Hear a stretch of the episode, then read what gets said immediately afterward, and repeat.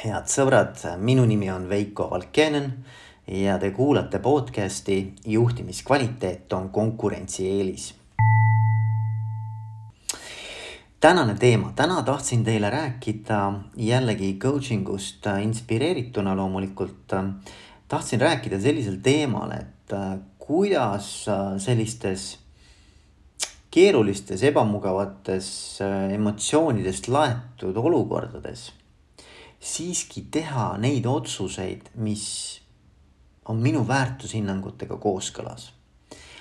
et äh, ütleme, et, et nagu igapäevases toimetamises, kus äh, võib-olla on niisugune turvatunne kõrge, on ju äh,, segadust vähem, ebamäärasust vähem äh,, siis, siis nende otsuste tegemine, mis äh, oleks kooskõlas minu äh, selliste baasuskumuste ja väärtushinnangutega, on kergem aga coaching us ka ma olen näinud, et, et kus inimesed tegelikult on äh, sattunud olukorda või ise nii-öelda teadlikult läinud sellisesse olukorda, kus siis äh, emotsioonid on tõesti laes äh,.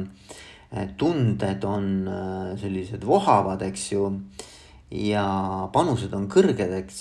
et siis on nii kerge ära kaotada tegelikult seda oma äh, head ankrut või sellist kompassi sellist sisemist äh, noh, sihukest äh, põhjanaelt siis ütleme, mis aitaks meid hoida ikkagi väärtuste kursil, mis meid kõige, meie, meile kõige olulisemad on, eks.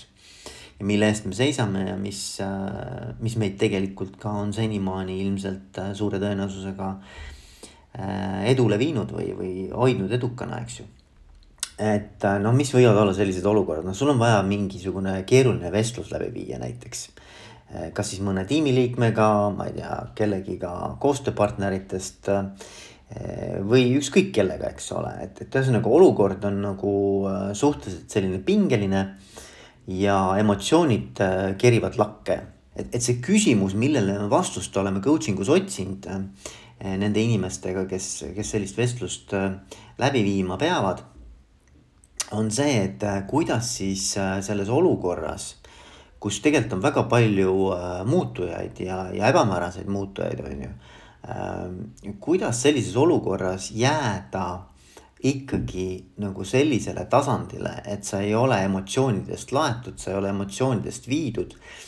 ja su käitumine ei muutuks selliseks, mis tegelikult selle olukorra äh, nagu käest viib. et äh, üks, ma arvan, nihuke hea viis, kuidas ennast ette valmistada selleks ongi nagu paremini mõista, et mis meiega nagu toimub. et nagu teadvustada, et mis minuga toimub sellisel hetkel äh,. kui äh,, kui on sellised vestlused, kui on selline keeruline olukord, on ju. kui ma olen sattunud sellisesse olukorda äh,, kus äh, see setup või see kontekst nagu surub mind äh, mingisuguseid äh, otsuseid tegema, ma tunnen, et eks ole, et et tunded keevad äh,, emotsioonid on äh, kõrgetel pööretel, eks ju. et siis äh,, mis pahatihti nagu juhtub inimestega ja see ei ole üldsegi teadlik protsess, vaid see on pigem äh, meie sellisest ajaloost ja üleüldse inimkonna sellisest äh, turvatundest ja turvalisuse vajadusest tulenev äh, käitumisviis, mis on juba meie nii-öelda aju DNA-sse sisse kodeeritud on see, et, ähm, et meie peaaju töötleb selliseid väliseid stiimuleid. Lastes siis äh, ajutüvel ehk sellisel noh, nimetatakse reptiilseks ajuks, eks ju, reptiilsel ajul suunata need kõik need sellised sensoorsed äh, stiimulid, see, info siis ajukoorele ehk mõtlevale ajule, mis on siis äh, kõige uuem aju osa, eks ju, kõige hiljem välja arenenud osa ja, ja ajukoor nüüd siis suunab selle signaali omakorda mandeltuumale ehk siis amügdalale, mis on omakorda emotsionaalne aju. ja, ja see emotsionaalne aju siis äh, valib sobiva emotsionaalse reaktsiooni äh, ja, ja aitab siis ka inimesel seda äh, füüsiliselt käitumises väljendada. Nüüd, äh, kui aga tajutakse ohtu või see olukord on emotsionaalselt laetud, on ju.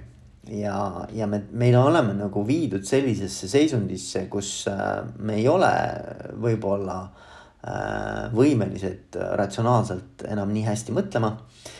siis võib seesama reptiilne aju ehk siis ajutüvi, eks ju, võib anda signaali otse mandeltuumale, mis tähendab seda, et, et see meie mõtlev ajuosa ehk siis äh, Äh, see ajukoor äh, jääb nagu, võetakse sellest, äh, sellest ringist välja.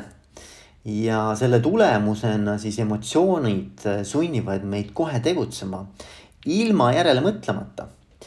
Ja nüüd meie emotsionaalse intelligentsuse isa Daniel Goleman nüüd nimetab seda amüügdala kaaperdamiseks. ehk siis tegelikult, mida tehakse, on see, et et äh, ei antagi üldse meie sellisele ratsionaalsele aju äh,, ajuosale võimalust kaasa rääkida, vaid kohe nii-öelda kiire reaktsiooni saavutamiseks ja ohu vältimiseks, eks ju, kaitse nii-öelda positsiooni sissevõtmiseks antakse siis see, suunatakse see stiimul otse amüügdalasse. ja nüüd, kui amüügdala saab selle ohusignaali võib see siis reageerida ebaratsionaalselt ja destruktiivselt ja noh, tavaliselt seda teebki, eks. Äh, tajutud nii-öelda kriisiolukorras on meil siis kolm äh, baasilist käitumisviisi, no me teame, eks ju, võitle, põgene või tardu, eks.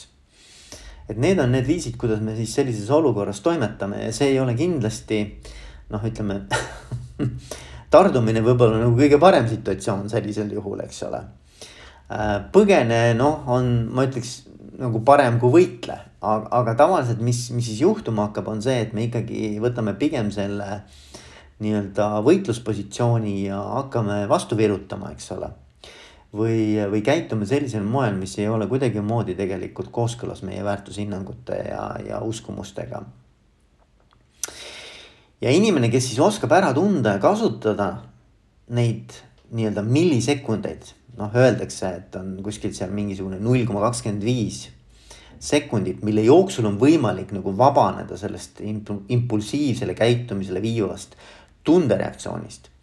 ja siis on ka võimalik valida selle asemel see käitumine, mis võimaldab selles situatsioonis teadlikult kaardistada ja harjumuspärast reaktsiooni vältida, eks ju. Ja, ja see on see viis, kuidas me tegelikult saaksime siis ka oma nii-öelda väärtushinnanguid ja seda nii-öelda seda kompassi, mis meile õige suuna annab, eks ju. rohkem ka sellesse situatsiooni sisse tuua, et noh, et ütleme, et minu jaoks ongi.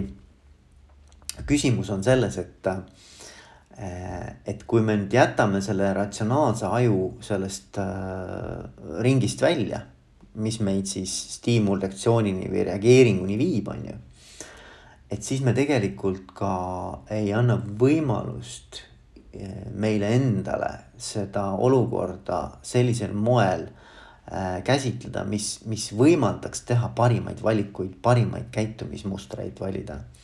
otsusteid, otsuseid teha, mis tegelikult, mille, mida me ei peaks pärast kahetsema või mille üle meil ei peaks olema piinlik, eks ju. Et kuidas jääda ikkagi nendes olukordades nagu väärikaks ja, ja toimida sellisel moel, mis on kooskõlas nagu meie sellise noh, sügavama sellise sisemise äh, kompassiga. noh, muidugi seda on kerge siin praegu rääkida, eks ju et Veiko, kuule, et, sa võid seda juttu siin eh, targutada küll selle mikrofoni taga, eks ju, aga et noh, kui sa ise selles olukorras oled, et siis on nagu väga keeruline. ja ma olen nõus, tegelikult ongi ülikeeruline Eh, ja, ja mida me coaching us selleks teeme, on see, et me mängime neid olukordi läbi, okei okay,, kõiki niisuguseid nüansse ei olegi võimalik nagu ette näha. aga tegelikult, kui sa tead juhina, et sul on vaja selliseid kõrgete panustega keerulisi vestlusi läbi viia, siis, siis kõige parem viis nendega toimetulemiseks ongi see, et sa saad harjutada. sa saad tegelikult nagu sellises turvalises keskkonnas proovida läbi, et mis on ühe või teise osapoole nii-öelda rolli võttes või neid king-, nendesse kingadesse astudes, mis, mis see tunne on, et kuidas see võib minna, mis, mis üks või teine osapool selles äh, situatsioonis äh, tunneb ja kuidas ta võiks käituda, on ju.